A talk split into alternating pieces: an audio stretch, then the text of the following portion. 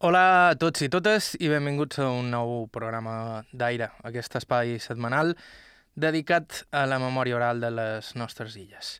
Avui continuem amb un tema del que ja vàrem parlar la setmana passada, la menjua, però avui amb un poquet més d'adults.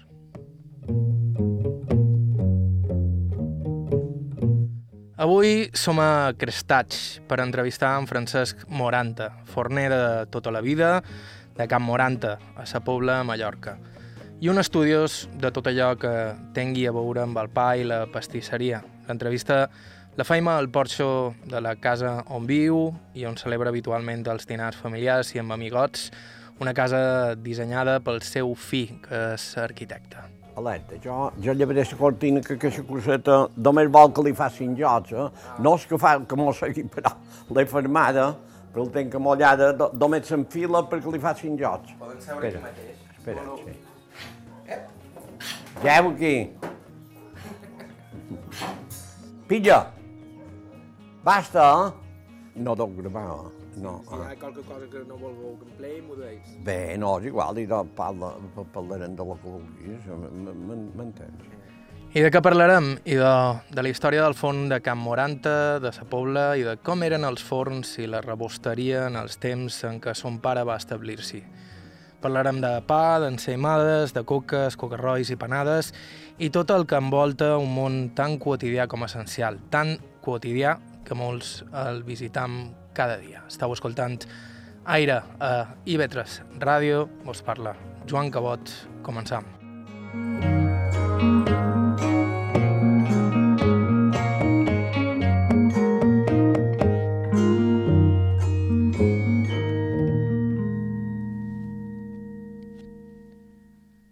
començam, com sempre, amb les habituals preguntes sobre el nom i la data de naixement del nostre entrevistat, tot i que en el cas de Francesc Moranta ell fa un poc de voltera a l'hora de respondre. Jo vaig néixer l'any 1939, eh, vaig néixer a la Pobla, mon pare era d'Espoldes i mon mare de Palma, havien tingut un forn a Palma, havia estat amb mon pare abans de tenir forn, perquè el va tenir quan se va casar, en el forn, que era el forn cremat, en el carrer de Cavalleria, baix de la Sang, allà va tenir forn.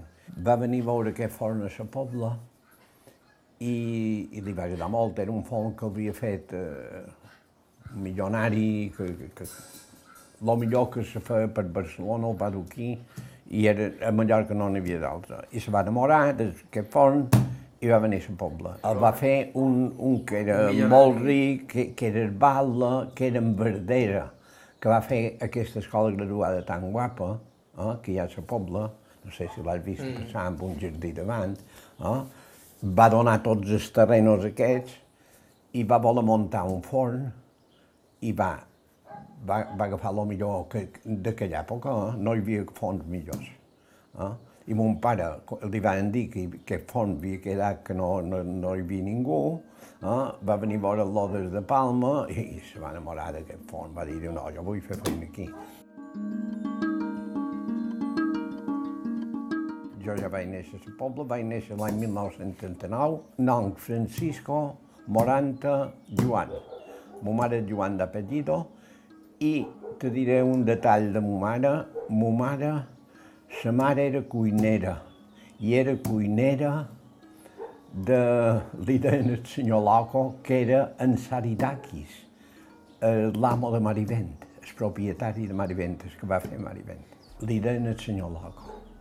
I aquest senyor, cada, de, cada de matí ma mare me contava que passava el cotxe a, a cercar la predina, la predina anava a la plaça, feia la compra i, i anava a Marivent i allà feia els dinars. Eh, va morir molt jove, jo no la vaig conèixer i ma mare només tenia 16 anys quan va morir. I, i aquí ve, d'aquí venen els meus fonaments. Eh?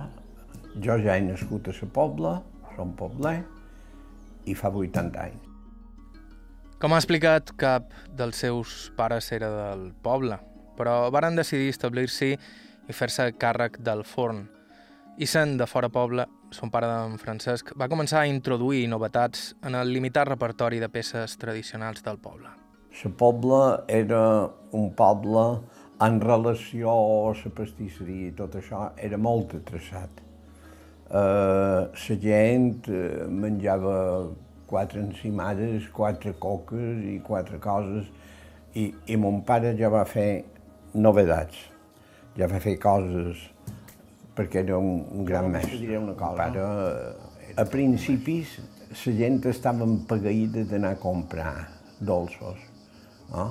Per tot el dia fèiem feina, era un, un poble molt, fan, molt faner, i fèiem feina per Marjal i estaven empagueïts. Venien en garbells perquè ma mare per col·loca l'or deia és el millor encara un garbell. Tenia un palanganes, com se suposa, però eh, ells el, el, el volien dur tapat. I les dones duen aquell mocador damunt i posaven el pastel dins dels garbells i, i en el mocador el tapaven. I jo ho he vist, això. Uh, també uh, pensa que quan érem petits ens convidaven per anar a matances. I, i mon pare era un home esplèndid i quan anàvem a matances, que ens convidaven, moltes vegades mos de, eh, o quasi sempre, una bona palangana de pastels, eren 40 o 50, 40 o 50 pastels per la casa, tu, i començar la gent. Oh, i hem anat aquelles, en aquelles matances i han duit uh, un pastel de Can Verdera i tot això. I, i bé, i a poc a poc, a poc a poc, a poc a poc, va anar introduint-se el pastel de les matances. Jo, eh, amb mon pare mort ja, eh, la estava penjada perquè ja, ja ho havia fet ell eh, al principi, però he fet mil palos un dia faner per matances. Per exemple, a l'època forta de matances és un poc abans de Nadal, eh? i do, no sé si era una setmana o dues abans de Nadal, un dia hi havia com anat just per matances mil palos, que era un dels pastels més adequats que, que, que van entrar. Palos i llengos eren els pastissos que per les matances feien. Eh? I, I bé,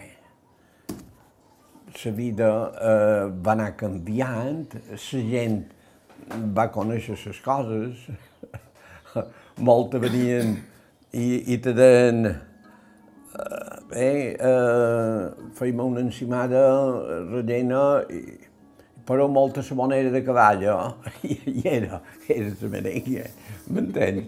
Uh, era una gent molt, molt espontània, molt, molt, molt de jana, a poc a poc, aquelles novetats que preparava son pare d'en Francesc varen anar fent-se populars entre la gent de sa Pobla, fins convertir el forn de Can Moranta en un dels més importants de la contrada. Com que lo nostre estava re re relacionat amb el bon viure, pensa que ells no tenien temps de fer pastissos.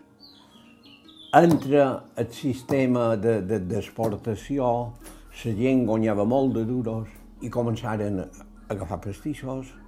Els sants i festes, bé, jo he fet 200 dotzenes de pastissos mm, d'aquests més normals i després en fèiem un de petits, que també a lo millor n'hi havia 250, encara un poc més que, que, que normals. I després hi havia rebosteries, hi havia bunyolets, hi havia els dies de Sants, bé, eren terribles jo no dormia tota la nit, mon pare jo vist no dormint la nit, oh? fent feina, fent feina, fent feina, i, i somiàvem els dies de sant perquè els dies feiners tothom s'anava a fer feina, sí que de matí menjaven el qualque encimada, eh? s'anaven a qualcú que te venia de, de bon de matí i ai, quina loreta, ja les teniu cuines, ja les teniu cuites, i, i en seu carro s'enduen un parell d'encimades.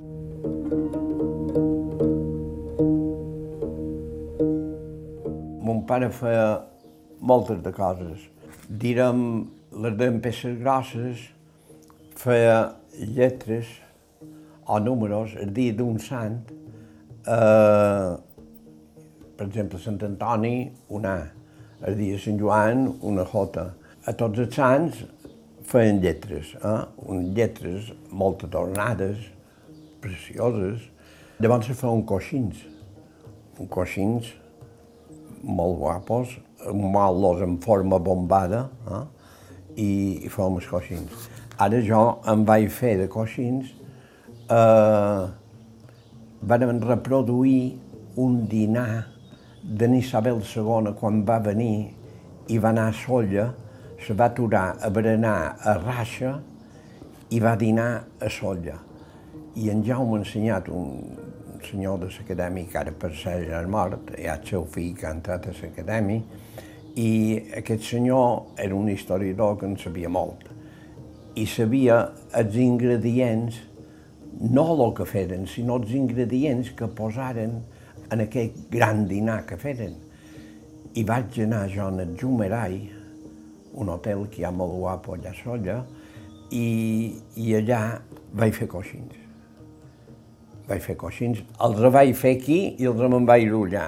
Allà fèrem dinar i jo, damunt els ous i els productes que feren i tot això, vaig dir que això havia de ser una cosa així, coixins. I vaig fer els coixins. Em vaig veure fer molts i mon pare les feia molt bé. Després feia els coixins imperials, que eren uns coixinets petits, eh, que, que anaven dins d'un motlets, feia quartos, feia braços de gitano, feia tortades i feia unes tortades de tambor de matla esculturals, que eren ramilletes, les deien, eh, que eren amb unes d'aixones, amb unes cames curvades, molt guapes, amb unes plataformes redones, després damunt la plataforma tornaven a posar unes altres i acabava amb una panera, eh, amb unes anses, rellenes de flors o rellenes d'altres coses. Jo, per, aquesta, per un acadèmic que som, eh, vaig fer una panera de tambor de matla, eh, en la curva, rellena de, de dàtils encaramel·lats i llemes d'ous cremadetes en rom, llema forta, eh, a dins unes càpsules, la vàrem omplir la panera i en menjàrem a l'acadèmia. Unes coses, però, precioses. En aquella època, dins un poble no hi havia això, però mon pare ho sabia de Palma. I mon pare, abans de semestre, quan va fer el servici, se'n va anar a Barcelona a una exposició que hi va haver molt famosa, i allà va, ser, va fer feina a la Perla mallorquina, una gran pasteleria que hi havia a Barcelona. Va fer una bona temporada allà. I també eh, va fer feina a Campallí, a Menorca, que era una altra gran pasteleria. Ben que dic que mon pare tenia un bon darreres i havia fet, havia fet coses. En aquells temps, els forns, a més, no eren només un lloc on anar a comprar pa o, o pastissos. De fet, pa se'n venia ben poc, perquè la majoria de gent pastava a casa seva, del seu propi blat, a més. Així que bona part de la feina del forn era només aquesta, enfornar els pans i coques que preparava cadascú a casa seva i era un servei públic de primera necessitat. El forn comú Sí, ell te duen el pa, damunt unes pots, un fanyadors, eh? I, i tu les enfornaves, el descovies. Normalment solien fer coca davant, perquè si quedava la madona, l'amo, eh, m'has de fer coca avui, eh? Tenien verdures, tenien eh, a l'abast eh, primeres matèries molt bones per les coques, i, i bé, eh, feien coca, feien coca, i moltes vegades també feien coca en sucre. A darrere agafaven un bossi de pasta, hi posaven un ou, un pot de sucre, un poquet de llimona reada, un poquet de canyella, i, i feien un afegitó a un bossi de pasta que deixaven d'espà, i bé, eh, era una cosa molt interessant i molt bona. Eh? I, I li cobràveu a la gent? I cobràveu a la gent, sí, sí. I bé, i aprofitàvem molt el forn en aquella època s'aprofitava molt el forn, perquè jo ja he dit altres vegades, he dit eh, un, unes entitats gastronòmiques, s'aprofitava el forn perquè en el començament covies les coques, quan havies escombrat el forn, covies les coques. A darrere les coques, el pa. A darrere el pa, coques amb sucre, qualcú que feia una coca pujada, qualcú que feia una cosa tota altra més delicada. Després, a lo darrere tot, tornàvem els cocovets. Cocovets, meldes i tot això, tenien qualque senà, per tenir cocovet i melda. I els dies que, que, que per exemple, el diumenge no fèiem fornada de pa i tot això, i el font només covíem de matí un poquet de pasteleria, el font davallava molt.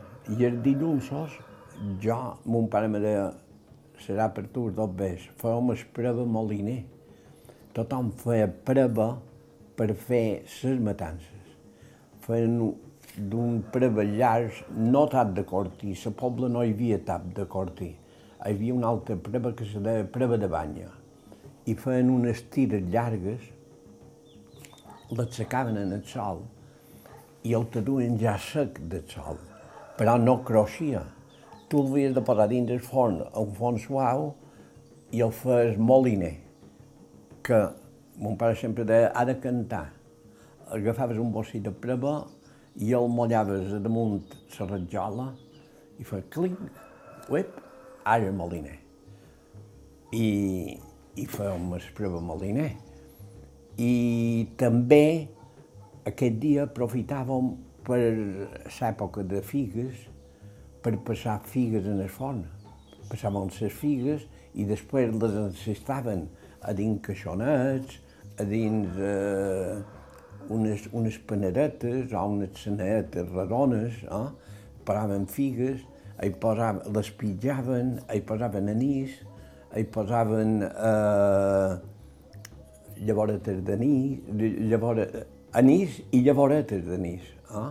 llavoretes de, de fonoll, bocines de fonoll, i, i tornàvem a fer un altre sostre, i bé, era, era una cosa molt, molt divertida. Era, era gairebé un servei públic, es forn. Ah, era sí, gaire... sí, sí, sí. Aprofitaven, aprofitaven molt. Avui en dia no tens problema, tens, necessites forn a 200, tropa 200. El necessites 150, el poses a 150. El poses així com vols, però gastes una quantitat de llum que fa pa. I llavors hi havia un ordre eh, per fer totes les coses. Darrere el pa, nosaltres, com que teníem pasteleria, fèiem gatón de mela, fèiem eh, pastes de quarto, fèiem quartos, fèiem totes les coses d'una temperatura més suau. Eh? I, i, I escalonàvem la deixona aprofitant les coses del forn. El pi era la llenya més bona. I mon pare deia una cosa, un forn ha d'estar prop d'un bosc. En aquella època, eh? pensa que fa jo 80 anys i fa 70 que me deia això, mon pare. Jo em tenia 18 quan vaig morir em fa 70. Era Francesc Moranta del forn Camp Moranta de Sa Pobla. En uns segons continuàvem amb ell parlant de pa, ensaïmades i de més exquisiteses de la nostra rebosteria. Fem una breu pausa i continuem.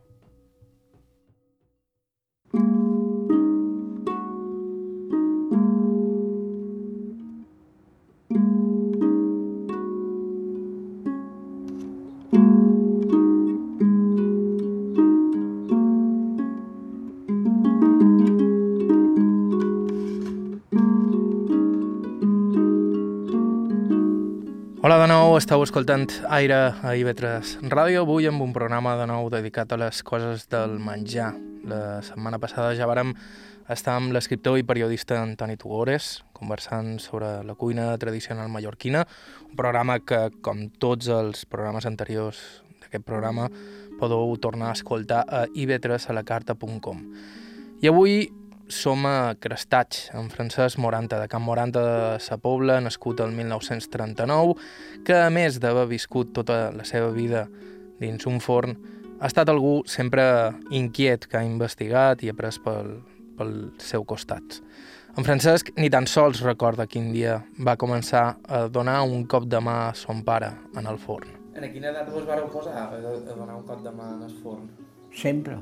Només te diré una cosa els dies de sants i festes, mon pare deia al mestre, l'heu de deixar sortir avui, uh, avui no vendrà a escola, perquè és Sant Joan, perquè és Sant Francesc, perquè és Sant Antoni, aquests dies de Sants jo quedava a Can Nostra i el mestre ho sabia i me deixava anar a Can Nostra. Va anar a escola Sí. així mateix, però...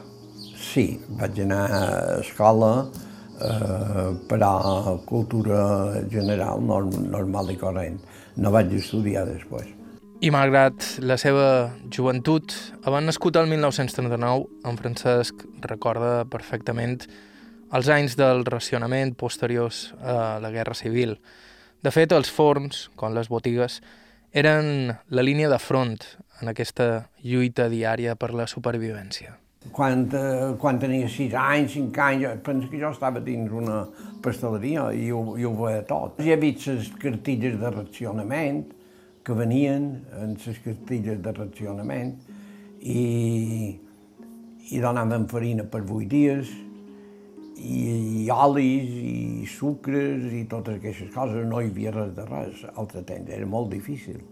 Mon pare me conta, o me contava, i ma mare també, que venia gent de per fora, de tot Mallorca en so tren, que aquí era rebost de Mallorca, de tots els pobles, dels pobles, qualque vegada ma mare deia no hi havia molt de tot bé llavors, ni hi havia molta abundància de tot. I mon pare deia a la gent dels pobles que venia a cercar mongetes, eh, arròs, eh, patates i totes aquestes coses. Al poble n'hi havia molt d'això. Era un d'això, un, un rebost, direm. I qualque vegada eren 10 i 12 a la taula i mon pare deia fer unes patates bollides amb un bocinet de lo que sigui i, i una col i, i fer un bollidet o qualque cosa per donar. I la gent, allò era molt, molt provat, m'entens? Era una cosa que... I la meva me contava que eren 10 i 12 a la taula. I pensa que feien una cosa. Hi havia eh, un control a la pujada del tren que la gent no s'endugués. I el maquinista ja sabia que un quilòmetre i dos quilòmetres més lluny del poble s'havia de raturar i, i els pagesos que havien venut tiraven els paquets a dins tren. Pensa que moltes vegades el racionament duen centeno, segol. El centeno Bum, han tornat d'un centeno, cago en res, que això punyetera farina, ferrarissa, tic-tac i barrat, tothom llans i pestes. Avui en dia el centeno està molt valorat i, i tothom està en el centeno i tot això.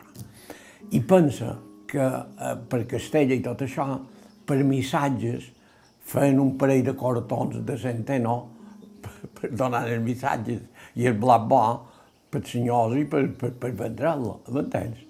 I el centeno era una cosa secundària que avui en dia està. El pa negre, avui en dia va de Montfulla, però antigament, bum, el pa negre, pa blanc i, i, i que sigui bo. De fet, aquí en Francesc em tomba un mite, el de que el pa moreno era el més habitual en aquells temps, i no el pa blanc, que era una cosa que jo considerava més fina.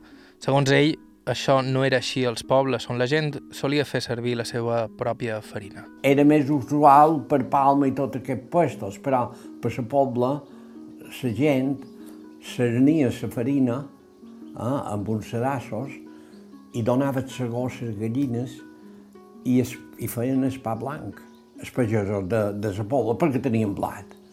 M'entens? Jo tapal de la pobla.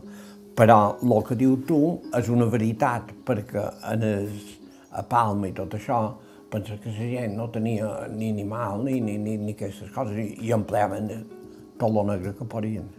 Segons en Francesc, el pa, en tot cas, no és el que més ha canviat dins el fons, tot i que ni la matèria primera sigui la mateixa, ni el llevat, ni els forns mateixos, que abans eren tots de llenya. Mol, molt diferent no, però era molt bo per una cosa que te diré. El sistema de molturació. Altre temps molien amb molins d'aquests de moles antics. Les farineres no duen aquest impacte tan, tan fort com duen les màquines d'avui, les grans màquines de, de, de, de fer farina. Uh, avui en dia lleven uh, d'això, uh, i lleven, lleven moltes de coses del blat per fer altres coses, midons i, i bastantes coses els lleven del blat. I, i la farina no és tan autèntica com malta, amb unes males en lentitud, direm, no, no, no, el blat està més, més malt en carinyo, direm, eh? i després fes, fes un pa molt bo, m'entens? Llevats, se cuidaven molt de llevats. Avui en dia ha tornat a entrar llevat, que li diuen massa mare, però no és massa, és pasta i, és, i el que fa tovar és el llevat. Eh? Les predines encara posen el llevat, o posaven el llevat a, damunt, a dins una escudella, li feien una creu damunt i empleaven la pasta agra, direm, per tornar-la a refrescar i fer pa. M'entens? I això de darrere tu és una pastera eh? que, que es queden unes coses per pastar. Eh? No per amassar, per pastar. Ha canviat, ha canviat. Els gusts, els gusts d'un forn de llenya, jo que sé, jo qualque vegada en el forn he, he agafat un parell de branques de, de romaní que hi ha per aquí, les tires allà a dins i te, te, te, te dona un perfumet, la llenya, eh, agafes eh, un pot d'olivera, un pot de pi, un, quatre troncs d'usina, i ja, ja t'aromatitza un poc m'entens? A més, el paladar és molt alt, perquè avui en dia se fan font de càmeres, no, la cocció no, no és tan ampla eh? i cou més bé així de sa. M'entens? Ja... I, I té una cosa, aquí no és una temperatura constant. Per exemple, el poses a 180 graus, li poses, i quan tens el font ple de pa, te va davallant, te va davallant, te va davallant, te va davallant. I és un bé que el pa cou més bé. Però més enllà del pa, la gran estrella dels forns mallorquins era la gran reina de la pastisseria tradicional a l'illa, l'encimada. Encimada sempre n'han fetes. Sí, l'encimada, però, però l'encimada resulta que tu naixies a dins un puesto que fes encimades, cada dia fes encimades, i arribaves a saber no, de fer encimades, té el que vull dir. Uh, però és una feina per un, cada, un principiant, uh, és mala de fer perquè necessites unes bones mans, saber manejar i, i la pas també conèixer-la. Avui en dia fan les coses. Uh, allà hi havia un procés de fer l'encimada que sempre se feia diantes i, i se covia la vent demà de matí. Avui en dia hi ha uns sistemes que pot controlar la fermentació. El tou de l'encimada el pot controlar. Hi ha uns armaris que, que per exemple, el poses a 0 graus i la pasta no se mou. I dius, a la una del, del, del vespre el posaré a tal temperatura, una temperatura ambient, eh? i el matí estarà a punt tu pots fer la feina quan vols, la pots programar i la tens cuita quan sigui, i altre temps havies de vigilar. Mon pare deia una cosa, que quan era el jove, eh, pensa que era a principi del segle passat, el forner, el riballer, perquè dins la nostra deixona hi havia, a dins del nostre ofici, hi havia el riballer, que era el que feia coques, encimades i coses de tovar hi havia el paler, que era el que estava en el forn i covia. Hi havia el forner, que feia el pa, pastaven pans i coses de tot això. Hi havia el pastisser, que feia pastissos i coses més delicades. I hi havia el confiter, que feia cabell d'àngels, confitava fruites, feia carabassats i feia coses. M'entens? Hi havia una ordre d'oficis a dins, a dins un mateix ofici. Eh? I deia que es, que arriba allà havia de dormir a de vora rivells, principalment en l'estiu, perquè passa una cosa, que quan tova una cosa, quan es tova, arriba un moment que li passa i torna agra. I has de tornar a refrescar, has de posar un poc més d'aigua, has de posar un poc més de farina, has de posar un pot de vinagre o un poc de suc de llimona per revitalitzar el gluten. Eh? Tècnicament, jo t'ho dic tècnicament, però a l'altre temps sabien que havien de posar llimona i això, però eh, no, no sabien els motius, però eren molt vius. Jo dic que ho sabien tot. Jo me va passar un cas que vaig anar a una possessió a caçar i era dins la muntanya i hi havia una hora i mitja de, de camí. Era un canelleta per dins la muntanya, per de mina. No hi havia carretera ni res i anàvem a peu, caçàrem allà dalt. Quedàrem a dormir a una finca d'allà dalt, un canelleta. I la madona me diu, ai, era de Pollença, un pa no me surt bé, tenc un llevat que no me va bé. I l'ho de renovar. I el vaig mirar, figura't, era una presa, no, no, no, no, no trobava. I, I vaig dir, dic, me caig en res, dic, que teniu gent de llimona? No, la neu mos va matar una llimonera que teniu. No n'en torna a sembrar, no tenim. I que teniu vinagre? Diu, no. I jo vaig veure una botella de, de vea per allà plena de pols. I això que hi havia aquí? El mort va una fa estona i tot això. Jo el volia encetar, dic, mam, mam. I vaig veure que era vinagre. Dic que l'arreglarem. I, i vaig parar un pot de allò, vaig, vaig fer una pasteta nova i tot això.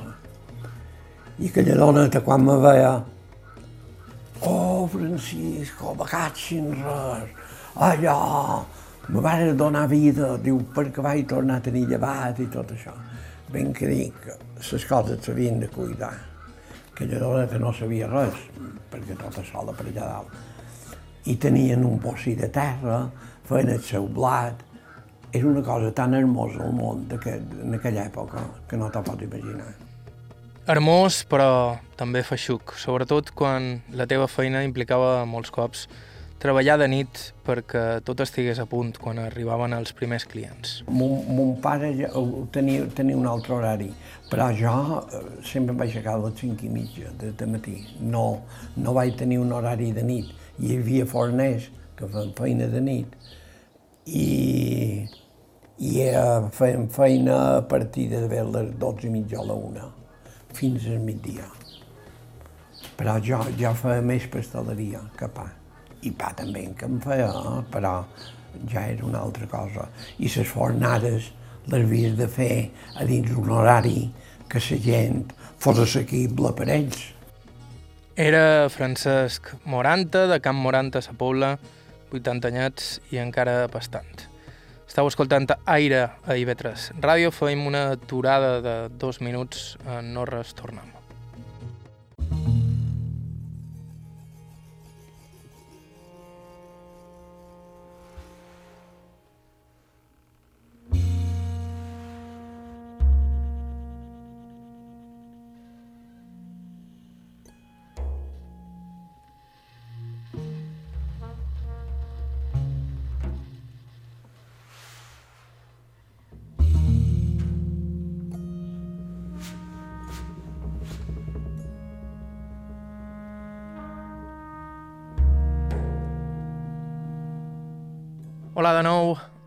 Això és Ivetres Ràdio, estàu escoltant Aire.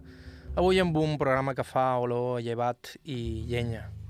Estàvem conversant amb Francesc Moranta, de Camp Moranta, de Sa Pobla, sobre la rebosteria d'un temps. Us recordam que si voleu recuperar aquesta conversa des del principi o escoltar qualsevol dels programes anteriors d'Aire, podeu fer al web ivetresalacarta.com o bé si vos subscriviu al nostre podcast a iTunes o qualsevol servei similar. Amb en Francesc hem parlat fins ara de dos elements bàsics en el dia a dia de qualsevol forma mallorquí. Ara i sempre, el pa i les encimades. A poc a poc, però, s'han anat introduint de cada cop més novetats, la majoria importades. I conversant també, tots dos recordam temps no tan enrere, en què fins i tot menjar-te un croissant era tota una novetat. Jo ja he fet vell Perquè i jo, no. per exemple, crec que encara record quan veure un croissant, que ara és la cosa més habitual del món, No, no era, en feien ni era sabien què És a era. dir, jo me'n record d'haver menjat un croissant com una cosa absolutament Novedosa. excepcional i Sí, novedosa. sí, sí, sí. Perquè abans només trobaves a Bunyola, per exemple, hi havia les vienes, eh, el llong... El llongat, el llongat, llongat, sí, sí. Però la coca... Xucladors també, les deien. Sí. Ah, xucladors eren unes, unes de, de, de pasta encimada, unes barretes llargues eh, que empleaven. N'hi havia que les deien pinotxos, no. I hi havia, hi havia cosetes, però, però el croissant va venir després. Ara, quan ha vengut aquesta avalanxa d'estrangers, els forners han hagut de fer. Jo no en sabia fer. Em vaig aprendre a fer un curs de pastisseria vaig haver d'aprendre a fer croissants. Jo no sabia fer croissants. Per, perquè hi ha una altra quantitat de gent aquí que, que, que, que és el seu conegut. Però te diré una cosa, en sinceritat, l'encimada era molt mala de superar. Eh? Per això no, no ha res que li arribi l'encimada. Eh? L'encimada és una gran cosa. Eh? Algunes d'aquestes novetats les hem fagocitat, ens les hem fet nostres i sembla que han estat sempre aquí, quan en realitat són relativament recents. Un exemple sorprenent per molta gent, el cardenal de Lloseta. Bueno, eh, aquí eh, hi ha un pastís que s'ha imposat molt, que és el cardinal. El cardinal és un pastís vienès. I aquest pastís vienès va venir per vies d'Antoni Escrivà, un gran pasteler de Barcelona, que va anar eh, allà a... a, a, a, a Austriac, aquest pastís. No? Va anar a Àustria a donar un curs de xocolata, perquè és el millor del món, o era el millor n'escrivà en quant a xocolata. Va donar un curs i va dur aquest pastís. I el va ensenyar de fer en Pomar de Campos.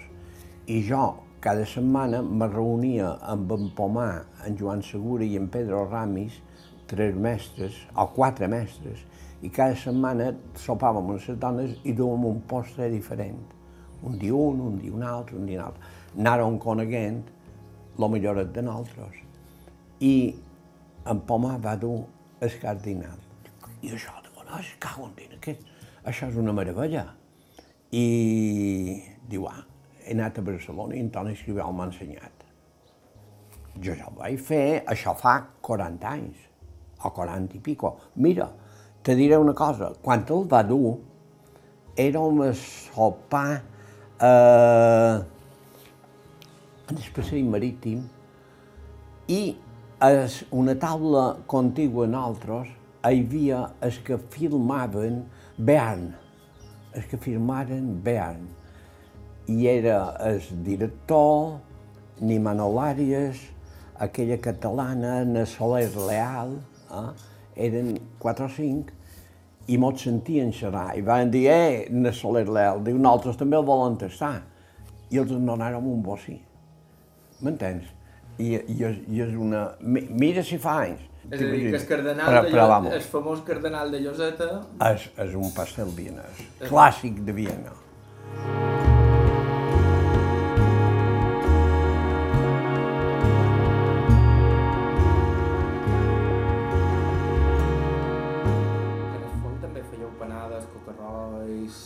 No, les feien més particulars, però després nosaltres ja en fèrem a dins una...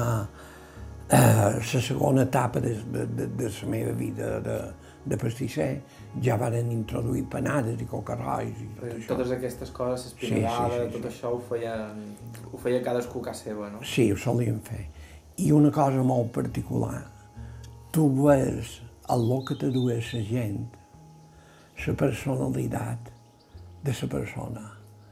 Per exemple, veus unes panadetes fetes amb una vorereta de cosa i ben fetes, veus fetes d'una dona més, més vulgar, quatre diterotes i bocin de, de, de, de deixar per damunt la pasta, bocin de, de verdura o d'una cosa a l'altra.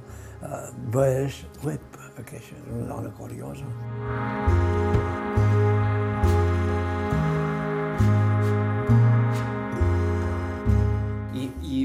varietats de panades abans? Sí, jo, Perquè, eh, jo te diré més avant coses que hi havia. Uh, perquè avui en dia en fan de tota classe. Eh? Uh, feien les de mussola, mm, quant a peix, eren meravelloses. Llavors, eh, jo també n'he ensenyat de fer un parell de cursos que he donat de pasteleria, unes antigues que se feien amb preves torrats i magre de porc, llom. Eh? Ara ho vaig fer a l'escola d'hoteleria, vàrem fer en Pomar i Joan Segur i jo vàrem fer unes, unes classes, perquè altre temps donaven classes a l'escola d'hoteleria, tot tres, i mos vàrem voler que féssim una d'això, una, una classe magistral, eh? i que ells varen fer dolç, jo dic, vos faré salat, i les vaig fer una, una panada amb preves torrats, entremig eh, magre de porc, a damunt una altra vegada preves encantonats d'ou bollit i era molt mengívola perquè els preves torrats i el llom hi diu molt i, i els va agradar molt. Això és una panada antiga, feien unes panades grossetes. Després hi fan amb me, que és clàssica, amb cabrit, amb pèsols i feien panades d'aquesta classe. I després feien unes coques tapades que eren unes coques amb espinats i mussola o gató, o gatins. Eh? I, I també eren molt bones, unes coques tapades amb una tronyolleta a les voreres, que eren una cosa molt bona. Els darrers que em feien era Cat Llull. No sé si encara el Llull, perquè té una pasteleria. Mon pare, abans de, de venir a poble, va ser mestre del Font Fondó. Llull és el Font Fondó de Palma i, i crec que pot ser que em facin d'aquestes deixones. I, I després feien duqueses. Mon pare, mm, quan estava en el font cremat, feia unes duqueses de llagosta que eren molt bones. I eren els metges que estaven a la sang, allà a l'hospital aquell, que davallaven a comprar. I mon pare se lluïa en coses interessants per metges. M'entens? feia unes coques també amb malls, filetejades, amb verdures i malls, i feia, feia unes coses molt, molt interessants, i els feia per metges aquests. Son pare d'en Francesc Moranta ja va introduir moltes novetats i avui en dia els forns res tenen a veure en com eren abans. Han canviat les formes i les matèries i sobretot ha canviat la manera d'entendre l'ofici. Avui els pastissers experimenten i abans... El que passava que eren més clàssics. Els, direm, els professionals eren més clàssics.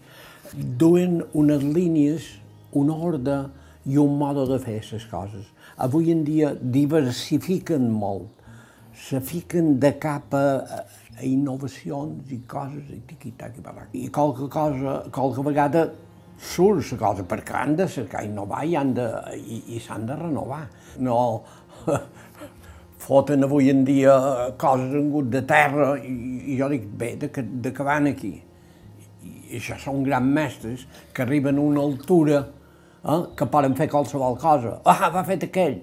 Però qualque vegada fan, eh, parlant en, en bon mallorquí, pets en maldos i bufes en compàs. I tot i mirar-se amb cert recel alguns experiments, en Francesc Moranta és un pastisser que ha investigat tot el que ha pogut en el seu camp i, de fet, és un membre destacat de l'Acadèmia de la Cuina i el Vi de Mallorca. Sou inquiets dins, dins, sí. la, dins la vostra... Sí, mira, a, a dir lo meu, he hagut de fer moltes de coses, eh, he anat a fer cursos de pasteleria, però te diré una cosa, el que ha triomfat més ha estat el l'antic, el de mon pare. Eh? I, I si l'hagués tingut, bé, no sé què hagués estat, eh? però una cosa molt, molt interessant. Eh? Eh, jo he estat inquiet, eh, fins ara, fins l'any passat, he anat a examinar els mestres artesans. Els que sol·licitaven ser mestre artesà, jo els anava a examinar. Aquí i abans a Menorca, que ara darrerament ja, ja feia tres anys que no hi anava a Menorca, perquè allà ja en tingueren un altre, però jo anava a Menorca i aquí també. A Eivissa no hi anava. No, no, no, no s'examinaven de mestres artesans. Però eh, a Mallorca conec la pasteleria molt, eh, així com està. Així que, en cert sentit, en Francesc és el pont entre dos mons. El dels forns antics d'una illa que ja no existeix, la dels nostres pares i padrins, i la nostra illa i els nostres forns d'avui dia.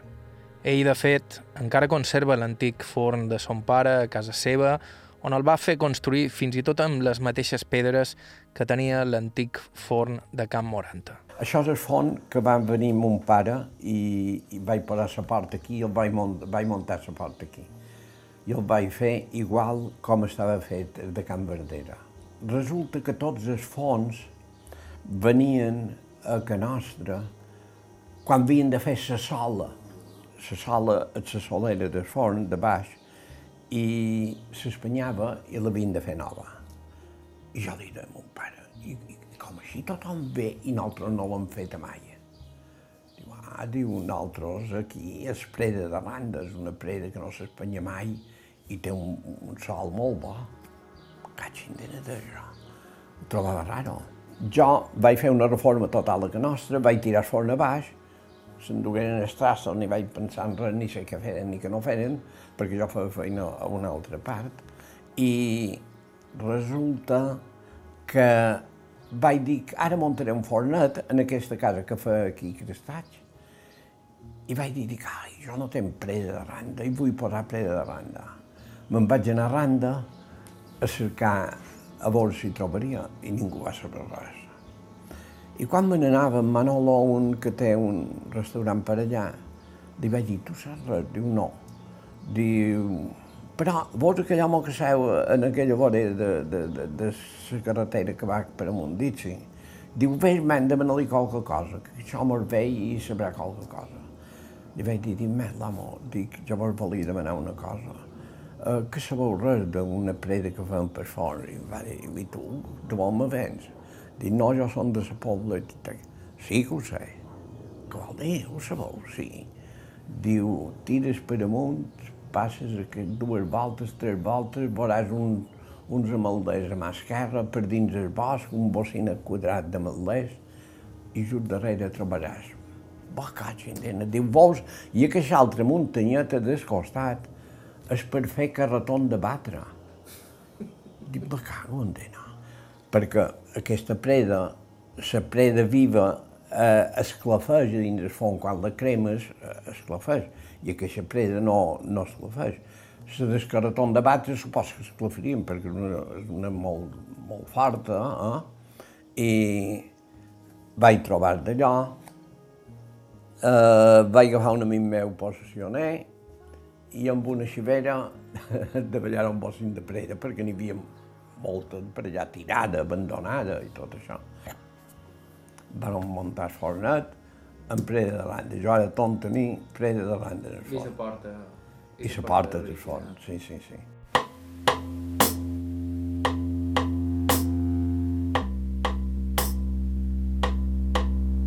I fins aquí el programa d'avui d'Aire. Gràcies a Francesc Morante i la seva dona pel seu temps i amabilitat. Vos recordam que si ens voleu proposar alguna entrevista ho podeu fer enviant-nos un correu a aire.ivetresradio.com o ens podeu deixar un missatge al 971 13 99 31 971 13 99 31 també ens podeu seguir a Facebook i Instagram i si vos voleu subscriure al podcast del programa ens trobareu a iTunes i serveis per l'estil. L'arxiu complet del programa el teniu a ivetresalacarta.com. Bàrbara Ferrer, la producció executiva, Joan Rado, la producció tècnica, vos ha parlat Joan Cabot. Fins la setmana que ve.